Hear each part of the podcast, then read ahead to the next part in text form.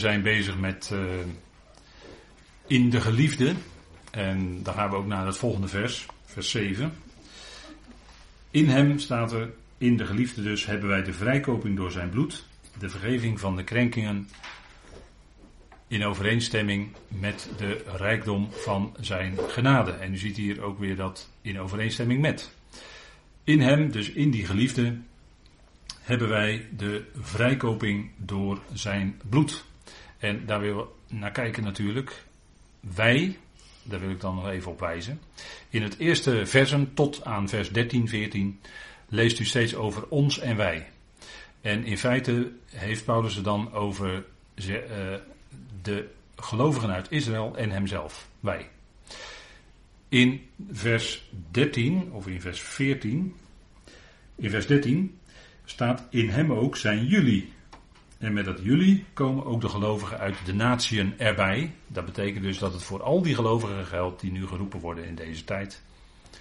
Geldt dit alles. Hè? Dus niet alleen voor de gelovigen uit Israël, maar doordat jullie in vers 13, in hem ook zijn jullie, of ook jullie, mag je ook lezen, die het woord van de waarheid horen, het evangelie voor jullie redding. In hem ook zijn jullie die geloven, verzegeld met de geest van de belofte de heilige. Dus het geldt voor alle gelovigen, zowel uit Israël als uit de natieën. Die komen daar dus bij. Maar als u leest vanaf 1 tot en met 12, die versen, dan leest u steeds van wij en ons. En dan weet u waar dat om gaat, maar dat het in feite achteraf met het ook jullie ook over ons gaat. dat, uh, ook, dat al die zegeningen ook bedoeld zijn in Christus voor de gelovigen uit de natieën. En Paulus is de apostel eigenlijk van alle natieën, zou ik willen zeggen. Uh, niet alleen van de heidenvolkeren, maar dat is wel de heerlijkheid van zijn bediening, maar ook van Israël natuurlijk. Hij is de apostel voor alle natieën. Allen zou hij verlichten en met zijn boodschap. En dat hebben, in hem hebben wij, dat hebben, staat hier in uh, staat hier als een actieve tijdsvorm, dus niet als een tijdloos vorm, tijdloosheid, maar als een actieve vorm, een, iets wat aan de gang is, om het zo maar te zeggen, en wat doorgaat. En dat betekent dat, het, dat, wij, dat dit ons, uh, in zekere zin met dat hebben, kun je zeggen, het is ons bezit, maar het geldt altijd. Het geldt altijd, as we speak, om het zo maar te zeggen. In hem hebben wij. Dus vandaag hadden we gisteren, hebben we vandaag, maar we hebben morgen ook. Morgen kunnen we ook zeggen, in hem hebben wij. Dus dat is actief die genade, die rijkdom aan genade die hier klinkt. De heerlijkheid van zijn genade die hier naar voren komt. En er worden twee dingen gezegd, twee zou je kunnen zeggen geestelijke zegeningen. De vrijkoping door zijn bloed en de vergeving van de krenkingen. En dat zijn geweldige dingen. Als je daarin gaat verdiepen wat het betekent. U ziet het hier al een beetje aangegeven op dit plaatje. De ketting is verbroken. Je bent niet langer gebonden aan zonde. Maar je bent vrij. Vrij om tot zijn eer en tot zijn dienst te kunnen zijn. Want daar, daarvan bevrijdt hij. Hè? De geliefde, de Heer Jezus Christus. Die stem die klonk. Deze is mijn zoon de geliefde. En wat werd gezegd bij zijn geboorte? Dat was niet een theoretische vaststelling van de Heer Jezus, die zal je redder zijn als jij daar maar op ingaat. Dat werd niet gezegd. Nee, er werd gezegd tegen die mensen, toen die hemelse boodschappers kwamen, werd er tegen ze gezegd: Heden in Bethlehem is geboren de redder. Niet degene die eventueel redder zal zijn als jij erop ingaat. Nee, zo niet. Nee, de redder is geboren. Dat wil zeggen, dat is zijn missie. Hij doet het ook. En dat was wat Paulus natuurlijk ook zegt in, uh, tegen Timotheus. Christus Jezus is in de wereld gekomen om zondaren te redden. En wat denkt u dan van wat hij gaat doen? Dan gaat hij ze redden. En dat het allemaal is, ja, dat is natuurlijk geweldig maar specifiek het evangelie van de apostel Paulus draait erom dat Jezus Christus is gekomen als mens. Hij is gestorven, begraven en opgewekt uit de doden. Hij is nu aan Gods rechterhand verheerlijkt. En dat strekt tot zegen, tot redding uit voor ieder die gelooft. En dat is het evangelie. Zo werkt Paulus dat uit. En dat het uiteindelijk ook voor alle mensen bestemd is en ook daadwerkelijk alle mensen omvat. Ja, dat is natuurlijk ook geweldig. Dat is ook geweldig. Dat komt erbij. Maar de essentie van het evangelie, wat ik net zei, 1 Korinthe 15, lees u het maar, die eerste vier versen, dat is het evangelie, dat is het goede nieuws. Daar gaat het om. Dat is de kern. En wat eruit voortkomt is natuurlijk geweldige zegen voor heel de schepping. Christus Jezus is gekomen om zondaren te redden. Hij kwam om de werken, Johannes zegt het ook hè, in 1 Johannes 2 of 3 meen ik. Hij kwam om de werken van de diabolos te niet te doen. En dat doet hij ook. Dat doet hij ook. Hij doet ook al die werken van de diabolos te niet. Ja, natuurlijk. Als het zijn missie is, hij maakt het werk ook af. Zei hij ook, Johannes spreekt daarover, zei hij ook toen hij kwam, ik ben gekomen om te doen de werken die mijn vader mij te doen heeft gegeven. En ik doe ze ook. En ik maak het ook af. Ik completeer het ook. Ik voltooi het ook. Dat zegt hij. Dus dat is wat hij doet. Dus ja, dan hebben we natuurlijk een geweldige redder. Hè? Dat, dat ontslaat jou van het maar krampachtig te proberen dat andere mensen ook gered worden. Nee, dat hoef jij niet krampachtig te proberen hoor. Je kan gewoon zeggen, joh, ken jij je redder al? Nou, wie is dat dan? Nou, Jezus Christus. Dus je redder. Ga hem ervoor danken. Meer niet, dat zo. En je hoeft niemand te bewegen, want dan komen we weer uiteindelijk bij die raadsbesluiten van God. Kijk, of iemand gelooft, dat is Gods zaak. Wij kunnen iemand niet bewegen tot geloof. We zeggen het wel eens tegen elkaar. Je kan bij wijze van spreken eh, tien paarden erop zetten en eraan gaan trekken. Maar zo breng je iemand niet tot geloof hoor. Dat, dat gaat allemaal niet worden. God moet het geloof geven in het hart. En anders, anders gaat het niet. Maar daarom kan het woord wel klinken en kunnen het wel doorgeven. Dat wel, natuurlijk. Gods woord is er om te klinken. Daarvoor zijn het woorden en daar geven we door. Wat hebben wij? Wat zegt Paulus nu? Wat hebben wij? Wat hebben wij? De vrijkoping door zijn bloed. Het is niet zomaar wat. Het is niet zomaar dat we kunnen zeggen, nou, je, het is eh, genade. Of vergoelijkend van, nou ja, eh, eh, krenk je, nou ja, het is toch wel genade. Nee, zo, zo kunnen wij als gelovigen daar niet over spreken. Dat doet Paulus ook niet. De vrijkoping is door zijn bloed. Door zijn bloed. En dat bloed, dat spreekt natuurlijk van zijn onnoemelijk lijden. Met een lange ei. Fysiek. En juist dat fysieke lijden wordt soms in films heel erg uitgebeeld. En naar mijn smaak, u hoort het mij al zeggen, heel erg. Naar mijn smaak is dat te, is dat overdone. En zonder het te willen onderschatten, want uh, professor Smalhout heeft er wel eens een boek over geschreven. Uh, wat het in een menselijk lichaam betekent als hij gekruisigd werd door de Romeinen. Nou, dat is heel erg pijnlijk en dan zeg ik het nog heel zachtjes. Dus dat fysieke lijden was enorm aan het kruis. En daar spreekt zijn bloed natuurlijk van. Maar wat ook, wat ook lijden was, was het lijden, wat we dan zeggen, in de ziel. Dat hij bespot werd, dat hij gehoond werd. En daar is natuurlijk ook een geestelijke kant aan. Door mensen overgeleverd, overgelaten, verlaten, bespot. Dat is ook lijden. En dat was tijdens zijn leven al, dat ze hem hoonden om wat hij zei. Dat zijn eigen familie niet begreep, hem niet begreep. Zijn naaste familie begreep hem niet. En misschien klinkt dat voor u wel bekend in uw oren, als ik dat zo zeg. Hè? Als je naaste familie je niet begrijpt. Dat is helemaal niet fijn, want je zou willen dat heel je familie, dat iedereen dat evangelie ook zou aanvaarden. Dat is natuurlijk geweldig als dat gebeurt, maar het gebeurt niet. En dat is dan de weg die God uiteindelijk toch gaat. Hè? En natuurlijk geestelijk. Dat was het allerdiepste lijden. De Heer zag enorm op tegen het lijden in, in, hè, vanuit zijn mens zijn. Daar, daar, dat zie je in Gethsemane. Dat hij daar intens bidt. En dat de discipelen in slaap vallen. Ja, ze hadden net gegeten enzovoort. Het is allemaal menselijk natuurlijk heel verklaarbaar. Einde van de dag. Maar het was voor hem, hij zag, hij ging, hij was in die olijfpersbak. Hè, Gethsemane betekent dat. Hij was in die olijfpersbak en daar kwam dat komende lijden. Hij had al veel geleden, maar daar kwam dat lijden heel erg op hem af. En voor de pauze heb ik al heel even gememoreerd. Die bekende woorden, hè, maar toch zit daar zoveel in. Hè. Vader, niet mijn wil, maar de uwe geschieden. Dat was overgave en dat was op een heel moeilijk moment. Want de Heer wist uit de profetieën wat er ging komen. Hij wist dat het enorm lijden zou betekenen. Het, kwam niet, het overkwam hem niet zomaar, maar hij wist het van tevoren. En daarom was hij zo enorm bedrukt in Gethsemane. Er wordt niet, ja, in de vertalingen wel, maar in de grondtekst wordt er niet, nogmaals, er wordt niet gesproken over angst.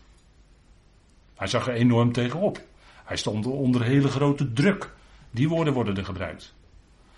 En, en naar de mens was het enorm. En hij wist wat er op hem afkwam. En uiteindelijk dat hij die zonde, hè, want Johannes zei het toch, zie het lam van God dat de zonde van de wereld wegdraagt. Hij wist het, de Heer wist het. En het, het geestelijke lijden, het diepste waar hij doorheen moest, was toch, en, en met dat verlaten, ik weet dat er heel veel over geschreven en gezegd is, enzovoort, enzovoort. Maar dat, met dat verlaten is toch daar geweest dat, dat, dat voor korte tijd dat afgewende aangezicht van vader. En dat was enorm diepgaand, want toen werd hij tot de zonde gemaakt. En je mag ook zeggen natuurlijk zondoffer, want dat is in het Hebreeuws hetzelfde woord. Natuurlijk mag je het zeggen. Maar hij werd tot zonde gemaakt en dat is enorm geweest hoor. En een bekende evangelist, die heeft wel eens gezegd, als je, als je wil kijken hoe God denkt over de zonde, dan moet je kijken naar Golgotha. Zo denkt God over de zonde. Het kostte zijn eigen zoon. Dus dat is niet zomaar wat hoor. dat, dus dat wij de vrijkoping hebben door zijn bloed. Dat is dus, daar zit dus heel veel achter. Hè? Dat is niet zomaar. Daarvoor heeft hij heel diep geleden. En toen zei, kon hij ook uiteindelijk zeggen: Het is volbracht. En toen was het ook volbracht, toen was het klaar. Toen was het voltooid verleden tijd ook. Die tijdsvorm wordt er dan ook gebruikt. Het is volbracht. Maar dat heeft enorme gevolgen voor ons, voor Israël en voor heel de schepping. Vrijkoping. Dat is iets geweldigs. Dat is wat wij op basis daarvan, hè, want nooit vergeten, op basis van zijn kruisdood, zijn smadelijke dood aan het kruis, op basis daarvan hebben we de vrijkoping. Dat is denk ik wat we goed beseffen hè, als gelovigen. Is niet zomaar. Kijk, en natuurlijk is het zo dat we tegen elkaar zeggen, uh, in deze tijd regeert Gods genade. Dat is ook zo, dat is ook zo. Maar wat zegt Paulus dan in Romeinen 5? Even lezen. En, en ja, hè, onder ons, uh, misschien eens een keer zeggen dat misschien wel eens wat makkelijk lijkt het soms, maar misschien ook niet hoor, ik weet het niet. Maar dat, die indruk heb ik soms wel eens. Maar als we kijken in Romeinen 5, wat daar staat, in vers 21, en daar concludeert Paulus, opdat evenals de zonde geregeerd heeft tot de dood, zo ook de genade zou regeren door gerechtigheid. Kijk, door gerechtigheid, dat staat er wel hè. En dat heeft alles te maken met wat voltrokken werd aan de zoon. Dat was Gods rechtvaardigheid. God handelde met zijn zoon volkomen rechtvaardig. Hij werd tot zonde gemaakt. Dat was Gods plan. Dat was God die het zo deed uit zijn liefde. Daarmee toonde God ook zijn liefde natuurlijk. Hè? Maar die gerechtigheid is, dat is wat gebeurde met Jezus Christus. Dat zegt het voorgaande gedeelte ook heel duidelijk natuurlijk. Hè? Vers 18 bijvoorbeeld het tweede deel. Zo komt het ook door één rechtvaardigheid over alle mensen tot rechtvaardiging van leven. En wat is die ene rechtvaardigheid? Dat is de kruisiging en opstanding van onze Heer. Hij die overgeleverd werd vanwege onze krenkingen en opgewekt om onze rechtvaardiging.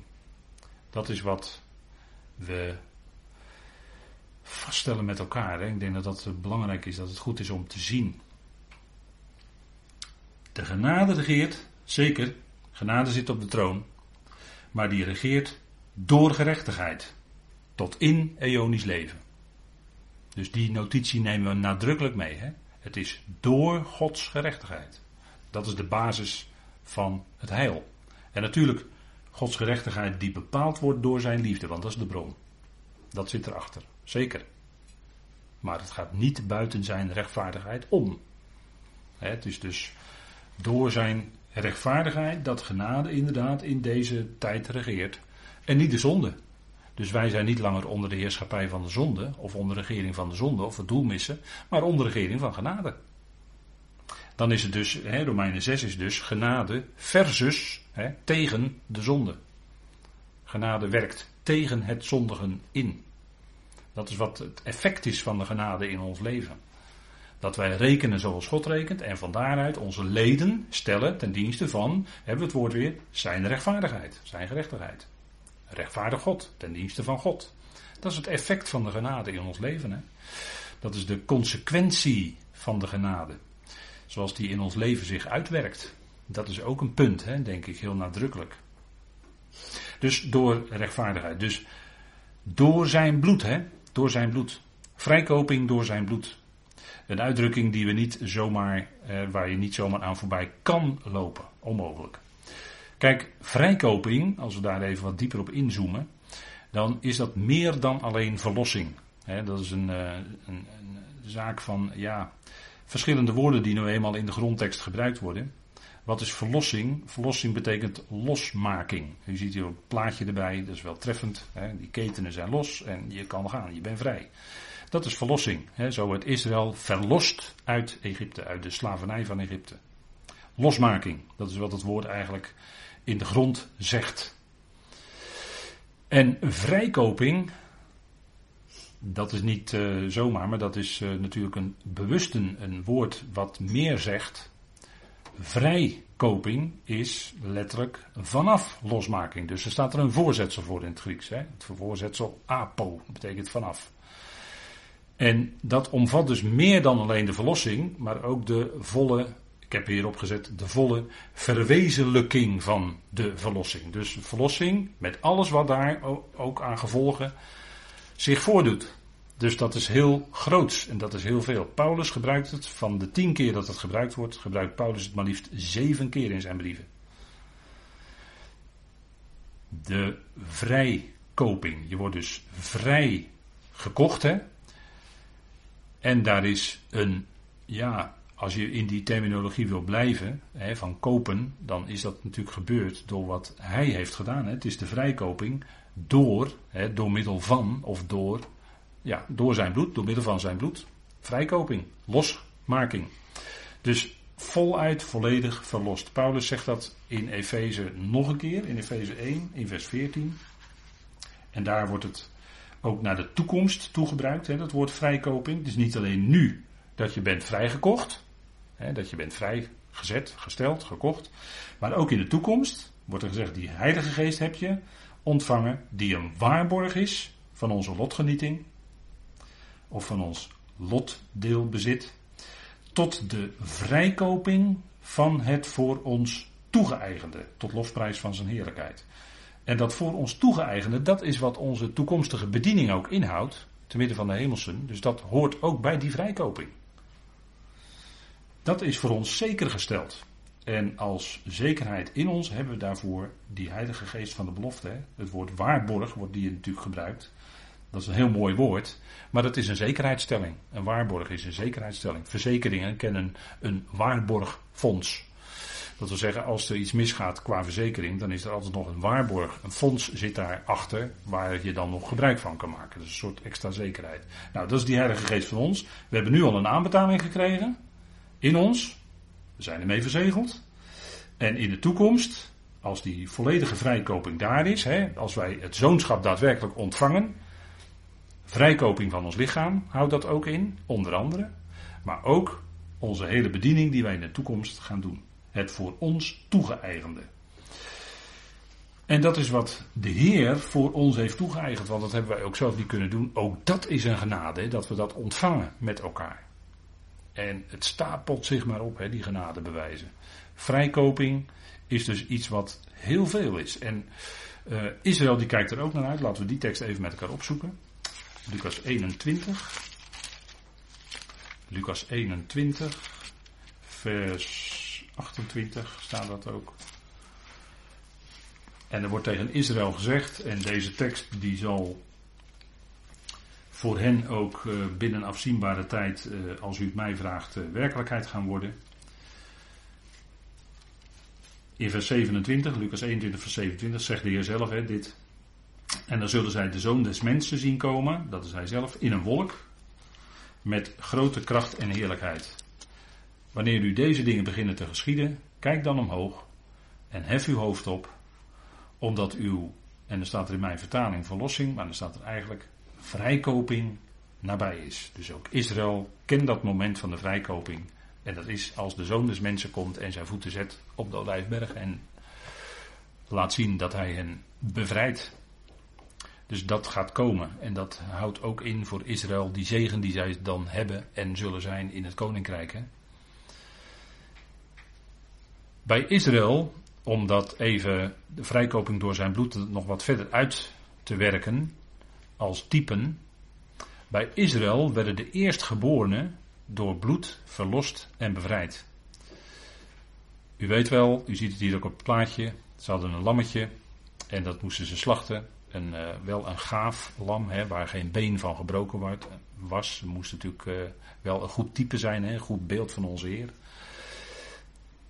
En van het bloed van dat lammetje mochten ze aan de deurposten strijken. En als dan de verderfengel kwam, dan ging die daaraan voorbij. Dan, hè, Pesach wil zeggen, dan sprong die daar voorbij. Dat is wat Israël binnenkort weer gaat vieren, Pesach. Dan doen ze alle het zuurdesem uit de huizen weg enzovoort. U kent al die gebruiken wel natuurlijk. Maar dan herinnerden zij zich weer dit met Pesach. Dat zij toen verlost werden of vrijgekocht werden door bloed. Door het bloed van het lammetje. Wat natuurlijk een geweldig type is van de vrijkoping, de werkelijke, waar het om gaat, dan door het bloed van onze Heer. Daar ging het natuurlijk in werkelijkheid om. En vrijkoping, dat gebeurt ook door kracht. En, want, hè, want vrijkoping heeft dan twee aspecten. Vrijkoping is zowel door bloed als door kracht. En het hele volk werd door kracht vrijgekocht, verlost en bevrijd. Uitgestrekte arm van Yahweh ziet u staan. Dus de, hoe hij het volk verloste en de Egyptenaren deed omkomen in de Rode Zee. Dus dat is vrijkoping door kracht. Maar in wezen ging daaraan vooraf. En dat gaat verder en dat gaat ook dieper, weten we later. Vrijkoping door bloed. Maar dat betrof strikt genomen alleen die eerstgeborenen. Want de tiende plaag was dat de Heer de eerstgeborene van Egypte deed omkomen. Ook zelfs die van de farao. En toen mochten ze gaan. Maar de, vrij, de eerstgeborenen van Israël, die werden door dat bloed beschermd, zou je kunnen zeggen. En zo konden zij uittrekken zonder dat een van de eerstgeborenen van Israël stierf. Dat is een bijzonder feit. Hè? En dat is natuurlijk een type, een heenwijzing, allereerst naar later, wat Israël zelf betreft. En nog verder, en ook verdergaand en dieper voor ons. Hè, vrijkoping gebeurt zowel ook bij ons door bloed. En we lazen ook net tot de vrijkoping van het voor ons toegeëigende, dat ligt in de toekomst. Dan worden wij door zijn kracht bevrijd en vrijgekocht, want dan is de bazuin daar. En worden wij veranderd, dat is een, dat is een enorm krachtmoment natuurlijk. Wij worden veranderd en we krijgen een verheerlijk lichaam. En dat is onze vrijkoping door kracht. Dus voor ons geldt het ook. Die twee aspecten, hè? door bloed en door kracht. Ja, en degene die dat allemaal doet is de Heer zelf natuurlijk, hè, is God zelf. Kijk, het hele volk werd door kracht verlost en bevrijd, maar alleen de eerstgeborene, en het werd later, werd door de Heer uh, toegespitst op een mens en op een ezelin. Zo even met elkaar lezen. Exodus 13. Lezen we even met elkaar. Exodus 13.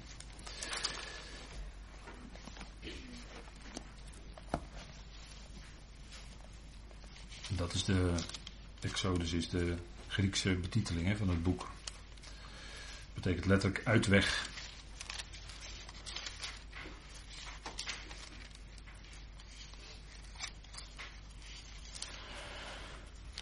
Exodus 13, en dan lezen we even met elkaar vanaf vers 1. Toen sprak Jaweh tot Mozes: Heilig voor mij allereerst geboren.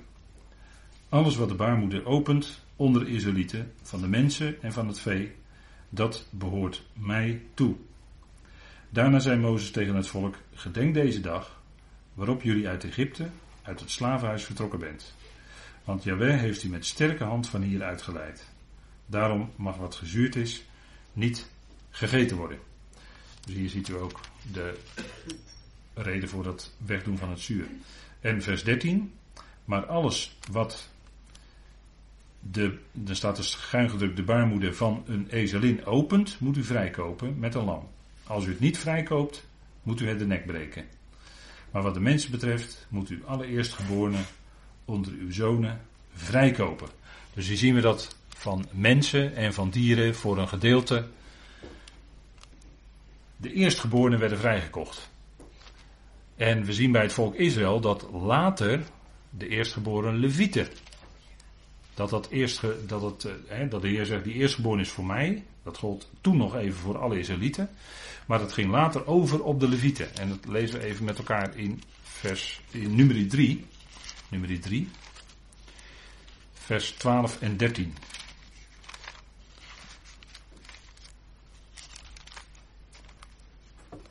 Nummer 3.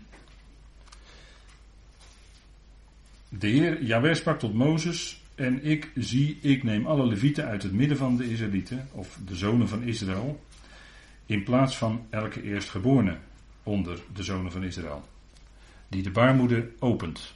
De levieten zullen mij toebehoren. Want alle eerstgeborenen behoren mij toe. Op de dag dat ik alle eerstgeborenen in het land Egypte trof, heb ik alle eerstgeborenen in Israël, van de mensen tot het vee, voor mezelf geheiligd. Zij behoren mij toe. Ik ben Yahweh. Dus het ging hier over op de eerstgeborenen van de Levieten.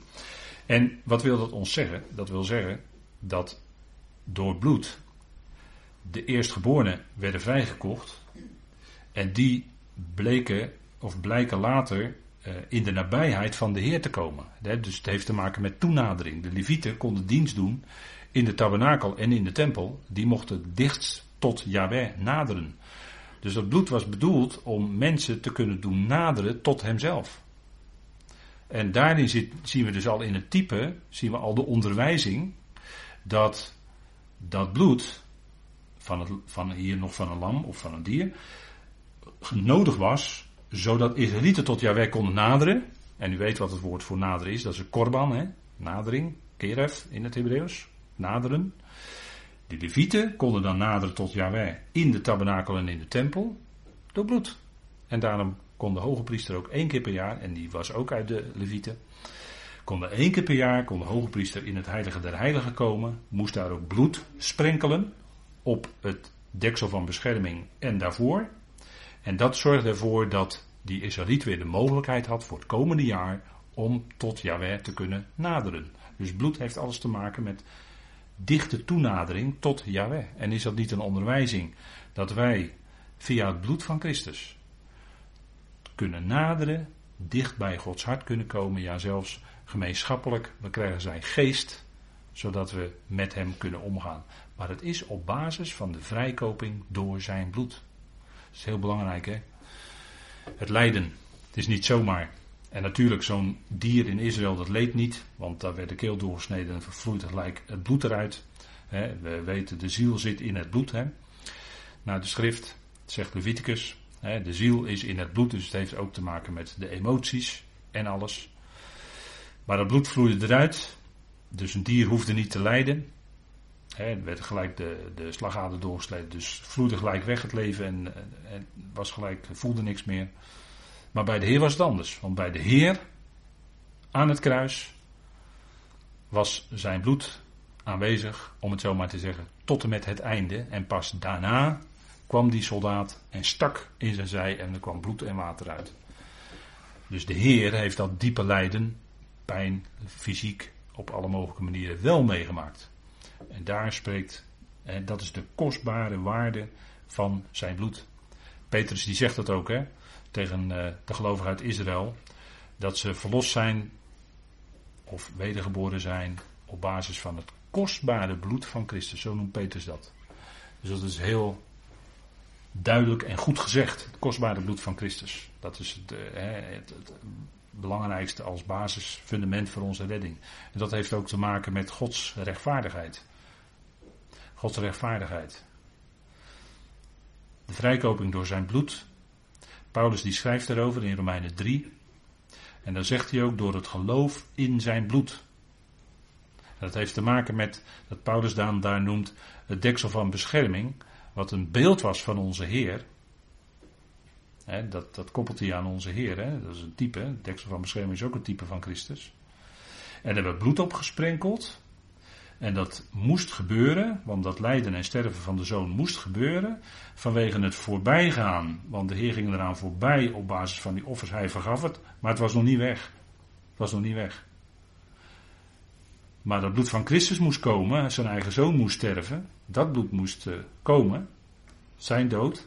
En dat bracht pas werkelijk tot stand dat die zonde werd weggedaan. En zo werkt God. Hij doet zonde weg door, en dat is heel wonderlijk, door een andere zonde. En je mag ook vertalen dan zondoffer. Maar dat is uh, het bekende principe van zonde voor zonde.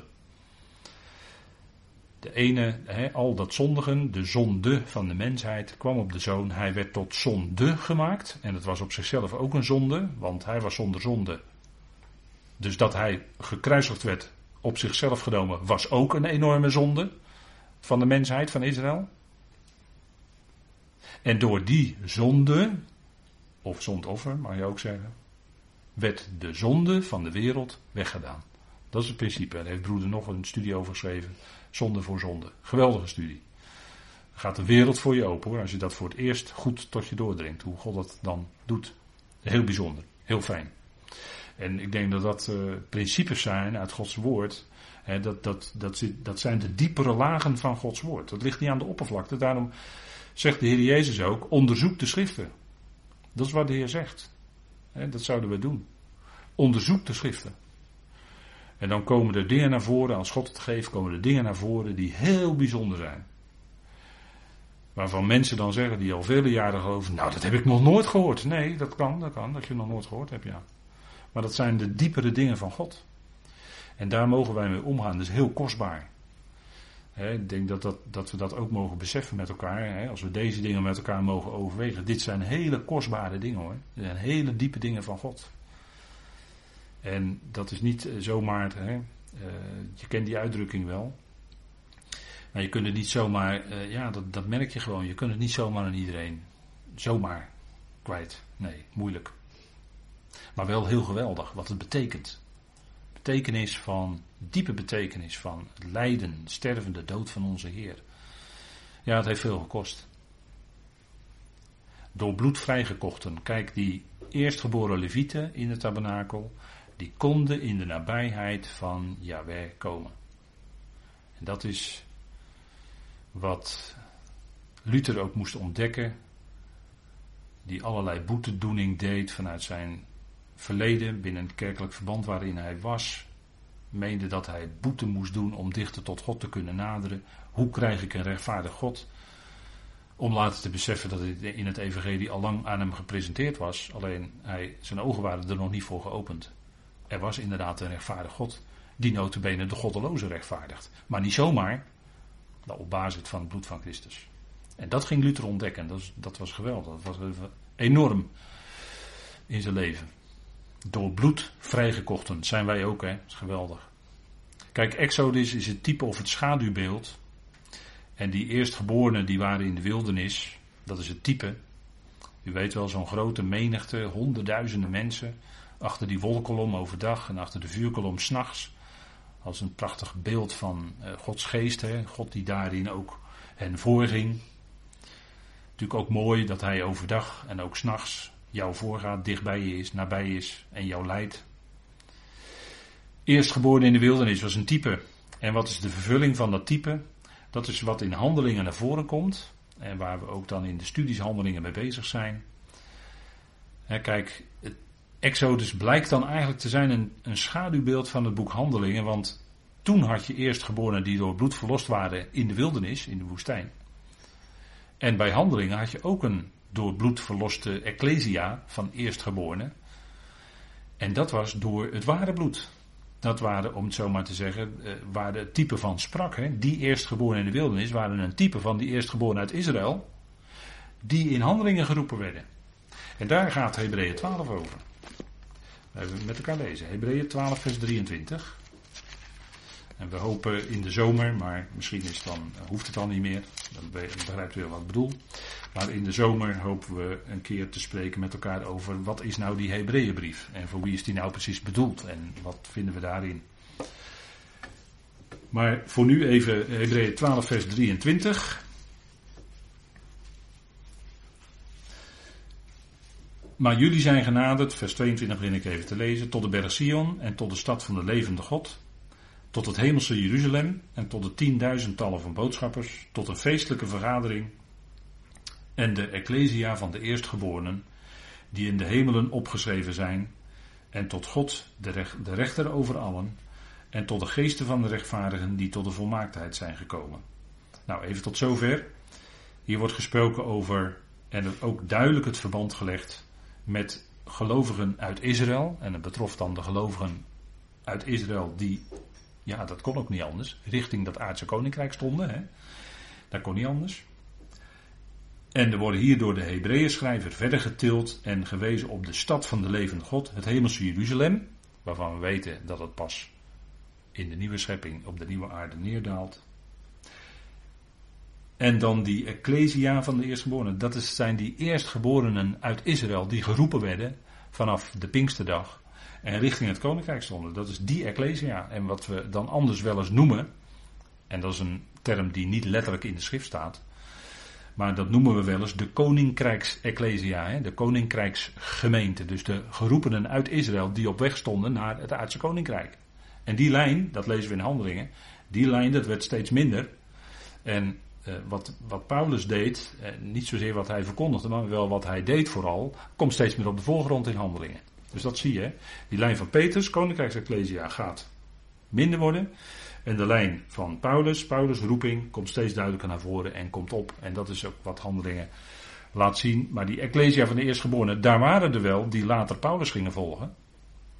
En daar was ook mede de Hebreeënbrief voor bedoeld om die in die richting te zetten. Richting Paulus, wat hij sprak.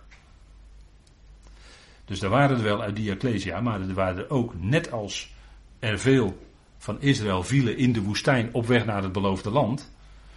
Zo waren er ook heel wat uit, uh, geroepenen uit Israël, eh, die richting dat koninkrijk stonden, die uh, wegvielen, waarin Hebreeën 6 en Hebreeën 10 over gesproken wordt. Dat als zij niet langer dat volgden, dan zouden zij het bloed van de Messias onrein achten en zouden ze alsnog omkomen. En Hebreeën 10 wordt er ook over gesproken. Die konden wegvallen uit die lijn. En die konden terugvallen in ongeloof of in het oude, oude, oude patronen enzovoort. Maar die vielen dan weg uit die Ecclesia. En dat, dat kon. Die konden dan hun, hun toekomst in het koninkrijk verspelen. En dat kan natuurlijk bij ons niet. Wij staan op een hele andere lijn. Dus deze woorden die worden vaak op, nu op ons toegepast uit Hebreeën 12 vers 23. Maar vanuit het hele verband en de achtergrond is dat niet terecht. Is niet terecht. Ecclesia van de eerstgeborene betreft de Israëlieten die geroepen werden in de handelingentijd. En daar waren die eerstgeborenen in de wildernis een type van. Goed, we gaan nog even verder. Vrijkoping door bloed. Bloed spreekt ook van zwakheid. De Heer stond niet op zijn strepen, om het zo maar te zeggen. Pilatus waste zijn handen in onschuld. En hij gaf hem over om gekruist te worden, om gekruisigd te worden. En Ondanks dat hij wel besefte, ik vind geen schuld in deze mens. Nochtans gaf hij hem over om gekruisigd te worden. Want hij was bang voor politicus Pilatus, u weet het wel allemaal. En hij gaf hem over. Gevoelens. Ziel heeft een, bloed heeft te maken met de ziel. Hè. De ziel is in het bloed, zegt Leviticus. Heeft te maken met gevoelens, ervaringen. Gerechtvaardigd in zijn bloed heeft te maken met offer brengen. Maar het spreekt voor ons, en dan spreekt het geestelijk voor ons, heeft een blijvende waarde. Het bloed van Christus heeft een blijvende waarde, een blijvende werking ook. En het spreekt van de onnoemelijk grote waarde van zijn lijden voor ons, voor de hele wereld. Dat is vrijkoping door bloed. Daar hebben wij deel aan op een hele bijzondere manier, zou ik willen zeggen. Het is echt een genadegeschenk een van die geestelijke zegeningen die we in Christus hebben ontvangen. En aan de andere kant heb je die vrijkoping door kracht en sterkte. Een groots gebeuren waarbij de kracht en de arm van Yahweh blijkt. En we hebben het al gememoreerd, ook ons overkomt dat op het moment dat de bazuin gaat. Ja, dat is denk ik, ja, dat zijn bijzondere dingen. En ik denk fijne dingen om met elkaar te overwegen. En ik stel voor dat we de Heer danken voor deze dingen. Het is heel veel wat we zo met elkaar mogen bespreken en doorspreken. Maar het is ook goed om. Ja, sommigen vinden dat misschien wel wat, uh, wat uitgebreid of wat lang. Maar ik denk dat als het gaat om het bloed van Christus. Dat we daar absoluut goed bij stil moeten staan. En dat is niet één keer per jaar. Als het in op de kalender staat. Nee. Dat is wat we steeds weer doen met elkaar. Het enorme kostbare van het lijden, het sterven en de dood van onze Heer Jezus Christus. Die dat gedaan heeft uit liefde voor Vader allereerst. Maar ook uit liefde voor ons, voor u, jou en mij. Ik denk dat dat heel bijzonder is. Als je dat beseft. Dat beseft dat je dat nodig had. Wat, uh, ja, dat, dat besef van, ja, nee, nee, nee, nee, Heer. Niet mijn eigen kracht, niet ik, nee. Ik heb u in, in alles, in alles, in alles nodig. Zijn kracht. En die geeft hij. En dat is allemaal daarop gebaseerd. Hè. Moeten we nooit vergeten. En natuurlijk, hij werd opgewekt natuurlijk als een bezegeling van alles. Dat is natuurlijk geweldig. En daarom leven wij nu. Maar het blijft altijd geboden om stil te staan bij wat hij deed. 2000 jaar geleden. Dat is beslissend geweest voor de hele wereldgeschiedenis. Als geen ander moment blijkt daaruit de enorme diepe liefde en heerlijkheid van God. Ik denk dat we daarvoor de Heer kunnen danken. Zullen we dat doen? Vader, we danken u dat we ook vandaag weer een moment stil konden staan bij het kostbare bloed van Christus. Vader, wat heeft het uw zoon veel gekost? Alles. En het was uw geliefde zoon, vader. Het stak in uw hart. Het was een enorme krenking van het vaderhart. Wat vijanden, wat de mensen hem aandeden. En nochtans, vader, beantwoordde u die krenking met liefde door uw zoon op te wekken uit de doden. Vader, wat geweldig is dat, dat wij daardoor nu kunnen leven. En een toekomst hebben. Een, een geweldige toekomst. Vader, dank u wel daarvoor. Dank u wel dat dat voor ons hart is. En dat het goed doet als we horen van uw liefde. Vader, wat zijn uw woorden helend en genezend voor ons van binnen? Wat sterkt het ons en bemoedigt het ons als we deze dingen met elkaar mogen overwegen? Vader, dank u wel daarvoor. Dank u wel dat Hij die smadelijke dood is gestorven. Voor iedereen. Vader, dank u wel voor dat kostbare geschenk in en door uw zoon. Vader, dank u wel dat we daarvan iets mogen proeven met elkaar in dat woord. Vader, dank u wel dat we door u geroepenen zijn. Met een hele hoge roeping. Vader, doe ons dat meer en meer bewust zijn. Vader, dat we zo mogen leven, wandelen, tot lof en eer van uw naam in alles. Vader, we danken u dat u dat geeft, dat u dat uitwerkt. Vader, wees met hen die het moeilijk hebben, die door ouderdom, door ziekte, beperkingen hebben. Wij zijn genadig nabij. Vader, u kent de lichamelijke, ziels, geestelijke ongemakken waar we mee worstelen. Het is bij alles bij u bekend, Vader, en wilt u daarin bemoedigen en versterken en troost geven. Dank u wel dat u dat ook doet. Dat met elkaar verbonden mogen zijn. In u. Vader, zo dank u daarvoor, voor dit moment wat u wilde geven. In de machtige naam van uw geliefde Zoon, onze Heer, Christus Jezus. Amen.